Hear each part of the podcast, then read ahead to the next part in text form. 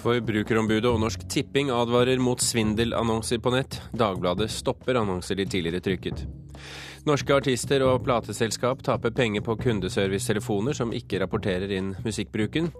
Og fotograf eh, Sissel Jaklen Sem gir 50 år med fotografier til Nasjonalbiblioteket. Jeg ser at det er det jeg tilstreber. En viss estetikk i bildene. Jeg er ikke ute etter å få frem det stygge, kanskje. Dessuten forteller vi både om og anmelder den nye filmen om eh, Børre Knutsen. Du hører på Kulturnytt med Birger Kolsrud Jåsund i studio. Forbrukerombudet og Norsk Tipping advarer mot svindelannonser på nett. Et tysk selskap som har annonsert på Dagbladet og flere andre norske nettsteder, frister med premier fra Norsk Tipping hvis du deltar i en konkurranse. Men Norsk Tipping har ingenting med konkurransen å gjøre. Svindel, mener Forbrukerombudet. Hvilken matbutikk foretrekker du? Ja. Der kan du velge tre alternativ, og så kan du vinne et gavekort på 10 000, da. Det er jo enkelt og forlokkende. Forbrukerombud Gry Nergård ser på en annonse på Dagbladets forside tirsdag. Og Da er det jo Rema 1000 og Coop og Meny du kan eh, velge mellom her og stemme på hvem, som, hvem du liker best. Konkurransen frister med en pengepremie på 10 000 kroner. Alt du trenger å gjøre, er å svare på hvilken matvarekjede som er din favoritt. Ja, Det som jeg vet, da, er jo at uh, folk som regel ikke vinner 10 000 kroner. Det de uh, vinner, eller i hvert fall får i etterkant, er masse reklame. Vi mener jo absolutt at de bryter loven. Jeg klikker, fyller ut e-postadressen min og deltar. Og dermed er en helt ny virkelighet et faktum.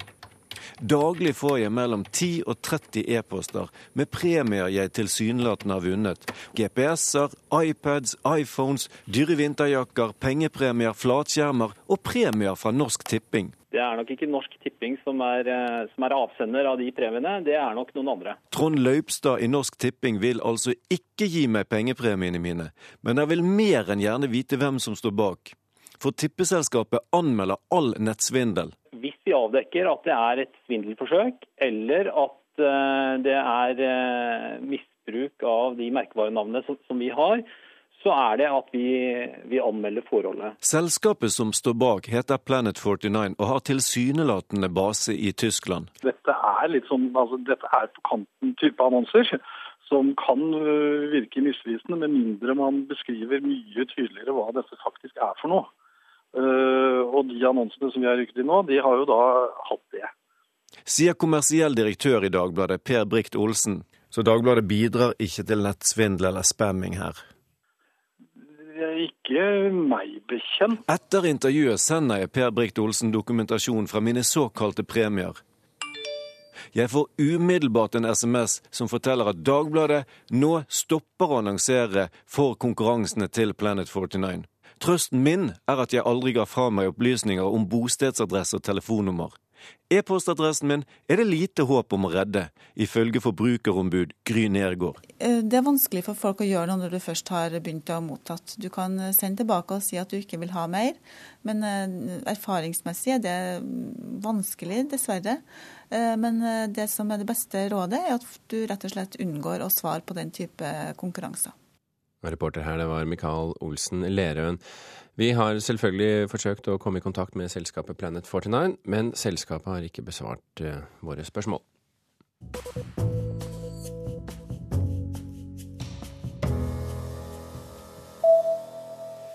En tysk kunstsamler som har arvet en stor samling kunst stjålet av nazistene, vil nå gi mange av kunstverkene tilbake til eierne eller eiernes etterkommere.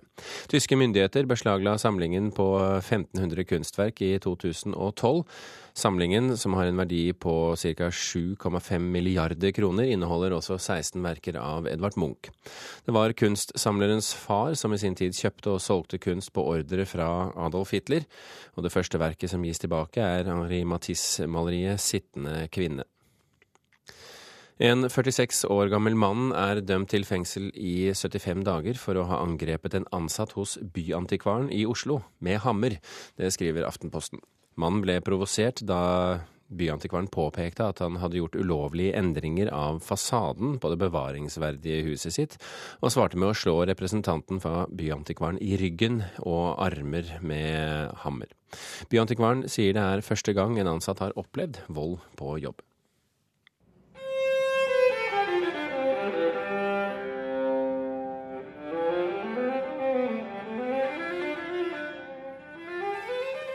Verdens beste bratsj, den såkalte McDonald, er lagt ut for salg. Bratsjen, som du da hører her, ble laget av Antonio Stradivari i 1719 og selges på en lukket auksjon hos Sotheby's i New York. Det finnes bare ti Stradivarius-bratsjer igjen i verden, og dette er den første som er blitt lagt ut for salg på 50 år. Bratsjen er ventet å sette prisrekord for et musikkinstrument, og auksjonshuset har lagt startbudet på 45 millioner dollar, noe som tilsvarer ca. 270 millioner norske kroner.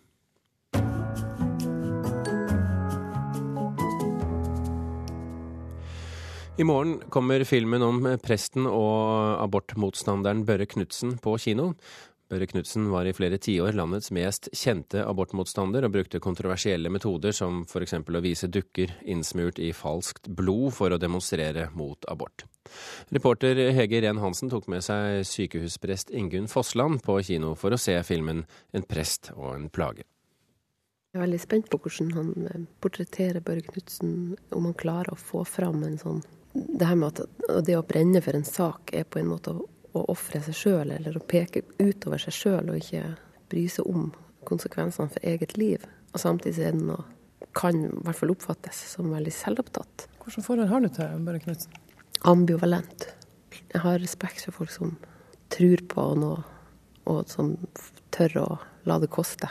Men jeg syns jo hans metode har vært veldig problematisk. Og han har jo krenka veldig mange mennesker, og det, det er jo helt uakseptabelt. Allmektige evig Gud, allmektige Fader, se nåde til meg, arme, syndige menneske. Det er en aldrende og syk mann som ber til sin Gud fra lerretet. I kinosalen sitter Ingunn Fossland, prest ved Universitetssykehuset Nord-Norge. Et av de mange sykehusene Børre Knutsen og hans ledsagere brøt seg inn på og demonstrerte på 70-, 80- og 90-tallet. Virkemidlene var for mange groteske, Frontene var steile. Nå vi ferdig med det her. Gå ikke inn her, da! Du, du får ikke forandra loven med å gå inn her. Regissør Fridtjof Kjæreng viser oss demonstrasjonene, men først og fremst den gamle mannen Børre. Og kona Ragnhild, som alltid har stått der ved hans side, selv om hun har tvilt. Det handler om å slåss for noe man tror på, om ytringsfrihet, men også om unger som har blitt mobba. Og det sier jo litt at det bare er dattera som vil være med foran kamera, av de fem barna. Det sier Kjæreng, som har fulgt parkinsonsyke Knutsen over flere år. Jeg har alltid interessert meg for individets forhold til samfunnet. Vanligvis på som makronivå. Det kan liksom være hussene i kjøttbutikken på Grünerløkka, det kan være innbyggerne i Vardø i snøballkrigen. Når det gjelder Børre Knutsen, så er det jo tatt på enda et plan. Altså, Børre Knutsen er vel, etter min mening, det kanskje ikke er noen historiker, det må jeg bare innrømme, men kanskje den største opprører siden krigen. Og inntil den katastrofen på, på Utøya for et par år siden, så var han kanskje en av Norges mest forhatte menn tenkte OK, jeg, jeg, vil gjerne vite hvem mannen her egentlig er. Av og til så føler jeg at jeg burde egentlig tatt snarveien nå. Og det vet djevelen så godt. Han er på sin måte et ydmykt menneske, men han har noe annet som er større enn han sjøl. Og det er ikke alle som naturlig nok kjenner det igjen i dag. Det er jo et stort sett sekulært Norge vi er vokst opp i. Ikke sant? Men han føler jo på mange måter ikke at han får gjort nok for Gud. Er det du som tenker på små barn? Jeg syns det var en sterk film. Eh, så tenker jeg det er en viktig film fordi spørsmålet om abort er jo ikke blitt noe enklere. Eh, uansett hva man måtte mene, så er spørsmålet vanskelig. Ikke minst fordi at det sitter kvinner i vanskelige livssituasjoner. Sykehuspresten liker ikke Børre Knutsen sine svart-hvite oppfatninger.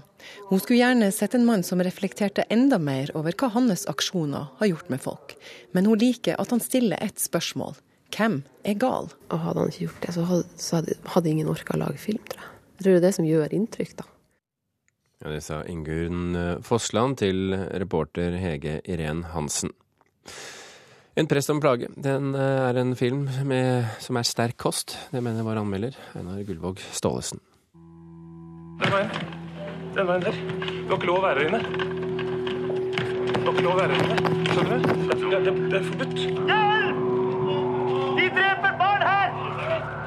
Hjelp!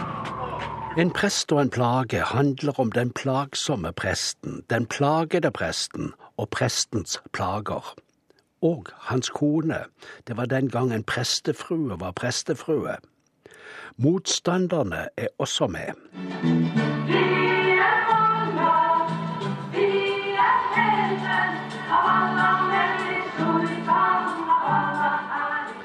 Det er klipp fra hans prestegjerning og andre gjerninger, og vi ser de viktigste aksjonene som var så ekstreme at de kom i fjernsynsnyhetene.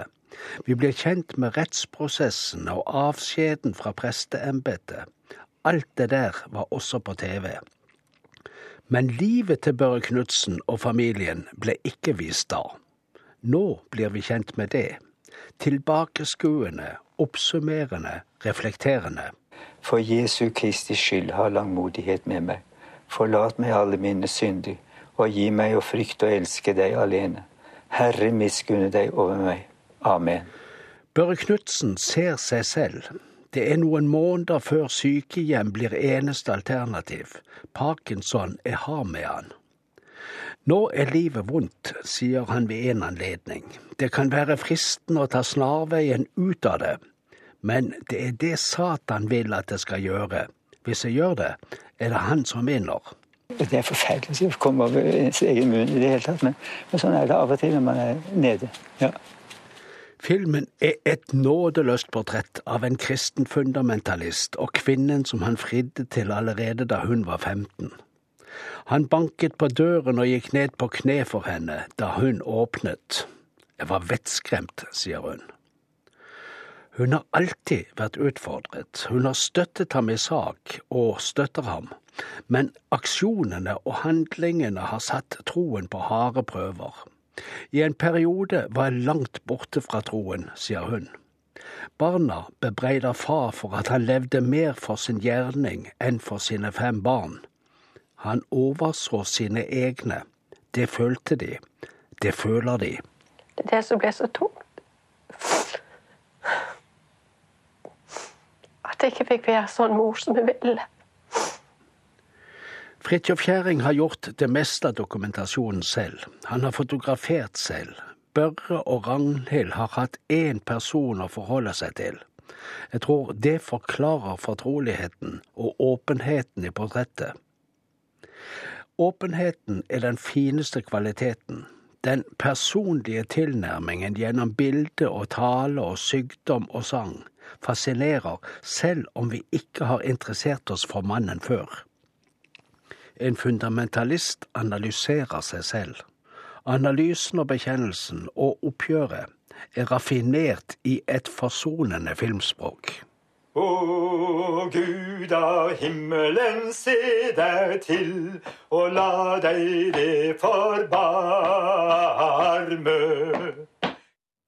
Einar Gullvåg Staalesen anmeldte Fridtjof Kjærings dokumentarfilm 'En prest og en plage'. Klokken er drøyt 16 minutter over åtte. Du hører på Kulturnytt, og dette er toppsaken i NRK Nyheter akkurat nå. Det blir flere og flere fattige barn i Norge. Over halvparten er barn av innvandrere. Det er en dramatisk økning i antall henrettelser i verden, ifølge Amnesty.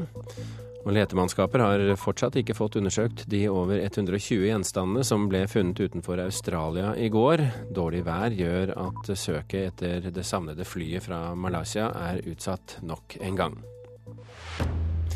Og Følg med videre i sendingen her i Kulturnytt. Om litt så skal du få høre om urpremieren på et stykke som ingen vet hva skal inneholde. Heller ikke de som har betalt for stasen. Norske artister og plateselskap eh, taper penger på kundeservicetelefoner som ikke rapporterer inn musikken de bruker når de lar kundene vente på telefonen. Det mener vederlagsbyrået Gramo. En av bedriftene som hyppig bruker og faktisk betaler for ventemusikk, det er NSB. Den tror du funker bra? Den tror jeg funker bra. Ikke for mye bass og ikke for mye tonespenn. Og veldig grei og rolig. Isaac Hayes' sang 'I'll Never Fall In Love Again' er ifølge kommunikasjonssjef i NSB Åge Kristoffer Lundeby den optimale ventemusikksangen. Alle våre medarbeidere er opptatt. Om du holder linjen, hjelper vi deg så fort vi kan. Vi prøver å, å holde det til en type mainstream easy listening-musikk som uh, som folk eh, flest syns er grei å høre på. Hvert år betaler NSB rettighetsorganisasjonene Tono og Gramo for å få lov til å bruke slik ventemusikk. Men det er det ikke alle andre som gjør. Vi er helt sikre på at det er en god del eh, musikkbrukere som ikke rapporterer, og at det er en god del penger vi går glipp av på dette området. Sier Martin Grøndal, daglig leder i Gramo, som er musikernes, artistenes og plateselskapenes vederlagsbyrå. På vegne av utøvende kunstnere og produsenter forvalter Gramo deres rett til å få betalt for innspilt musikk. I fjor dro Gramo inn 56 millioner kroner for offentlig fremført musikk. Ventemusikk er en liten, men viktig del av dette. For bruk av ventemusikk eh, på telefon så får vi inn i overkant av eh, en halv million per år. Dette er fordelt på 181 musikkbrukere som betaler den summen hvert år. Men summen Gramo får inn for ventemusikk fremover, kan bli vesentlig høyere enn den er i dag. Telenor ble nylig dømt til å betale for sine abonnenters bruk av ventemusikk gjennom flere år. En tjeneste Telenor tilbyr privatpersoner og bedrifter. Og når vi er ferdig med denne saken, og vi forhåpentligvis da får inn penger eh, fra Telenor, så vil vi få ryddet opp ganske mye på dette området. Da vil det jo være mange som i dag tilbyr ventemusikk, som eh, kommer til å betale til Grammo. Grøndal mener at det finnes enda flere bedrifter som ikke betaler for bruk av ventemusikk. Penger som musikere og plateselskap har rett på. Jeg har tennissko for tennishaller, jeg har tennisalbu og tennisballer. Også jeg som aldri har satt mine ben i en racket. Og for dem som da velger å betale for ventemusikk, kommer Lundeby i NSB med et tips til musikk som kanskje ikke passer telefonlyden. Hvis eh, musikken går innmari fort, og er, man sitter og venter og tenker Å, hva var det han sa nå? Et norsk eksempel er Øystein Sunde, som er en utrolig munnrapp og flink artist. Men det er av og til at uh, folk ikke får med seg det han sier. Og så lurer de på hva i all verden var, var han sa nå. Reporter Christian Ingebretsen. Fotograf Sissel Jaklen Sem har en 50 år lang karriere bak seg, og donerer nå arkivet sitt til Nasjonalbiblioteket. I første omgang de bildene som har stått på trykk i utallige blader og bøker. I går ble overleveringen feiret med et seminar på biblioteket, men før det møtte vi henne hjemme i sitt eget element, så å si. Nå er vi i mitt uh, vidunderlige fotorom. Jeg elsker dette rommet. Der er det bilder overalt. Jeg har ikke fotografier noen andre steder i leiligheten min. Der er Ingrid Bjoner, og der er Bjørg Vik. Det sto i det svenske Femina. Det, er Espolin Jonsson, før øynene hans ble operert. Og Torbjørn Egner.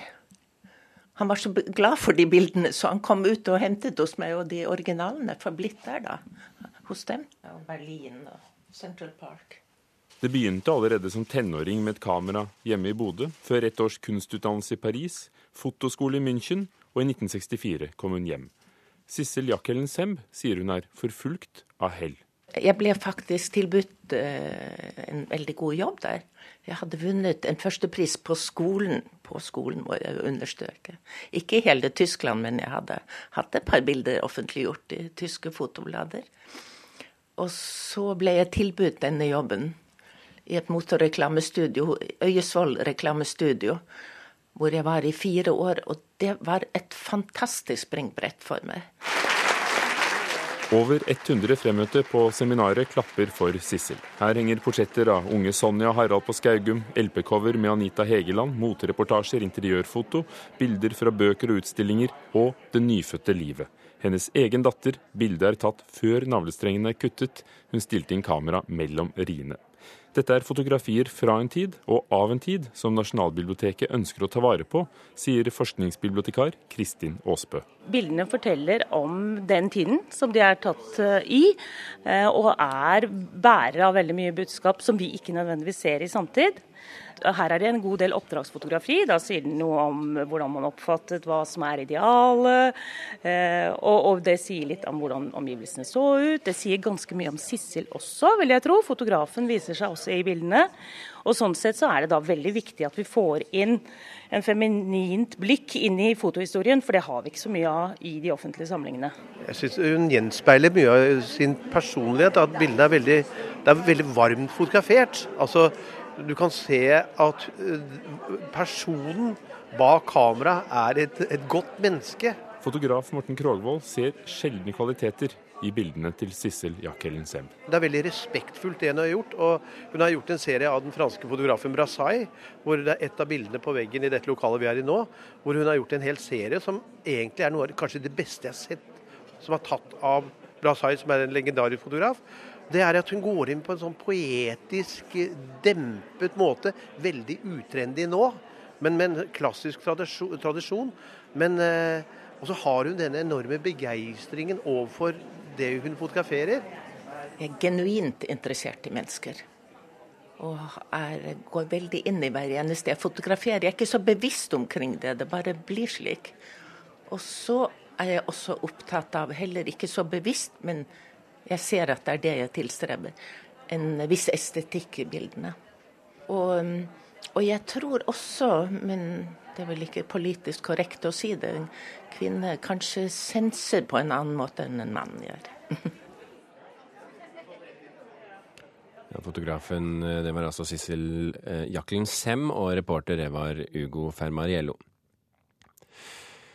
Fem kunstnere fra ulike disipliner skal ha urpremiere på en improvisert forestilling i kveld. De vet ikke hvordan forestillingen kommer til å starte, eller hvordan eh, den kommer til å slutte, men urpremiere, det skal de ha.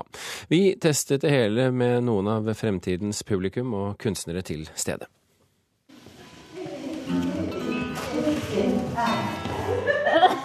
Én spiller trommer, én gitar. Én er visuell kunstner, én er forfatter, én er skuespiller, og de har med seg en dramaturg. Målet er felles. Dvell skal få publikum til å skape fabelen sjøl. Vi vet ikke hvor vi starter, og vi vet ikke hvor vi går. Og vi vet ikke hvor vi ender opp. Sier Frode Eggen, skuespilleren i Dvell. Jeg tror at hvis man kan klare å glemme seg selv i en viss forstand. Altså at man ikke først og fremst kommer med seg selv. Og at jeg f.eks. skulle komme med disse diktene og slik at det var utgangspunktet som de andre måtte forholde seg til. Men at vi fem kommer med, med det som er oss, og våre instrumenter og, våre, og hva vi alle holder på med. Utenfor dvell også. At vi kommer sammen, og at når vi da responderer på hverandre, så oppstår det ting som ellers ikke kunne ha oppstått.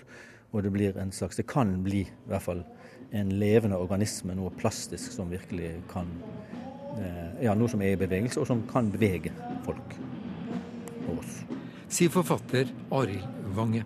Altså Utgangspunktet er jo en, en, bok, en diktbok som jeg har skrevet, som heter 'Improvisasjon person'.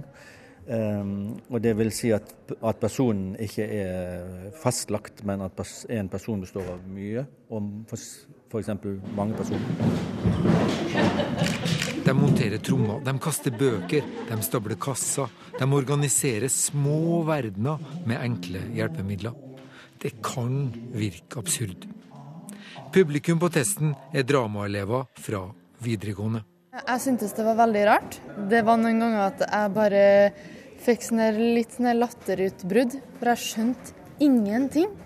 Men så begynte jeg å se litt karakterer. Eh, og litt sånne statusforskjeller, og da begynte jeg å tolke litt. Og så fikk jeg eh, plutselig en veldig ekkel følelse når jeg så karakterene. Og så likte jeg veldig godt når vi fikk eh, bidra, når vi fikk være med. For det var noen gang underveis at jeg fikk lyst til å bare hoppe inn og gjøre ting. men jeg, følte, jeg visste ikke om jeg kunne. Eh, så når de da dro oss inn, så ble jeg veldig glad, for da kunne jeg liksom bidra med noe som jeg hadde satt og kjent på litt. Så det var veldig bra. Sier Johanne Bukten Melvold. Marte Mortensdatter Steinholt var skeptisk.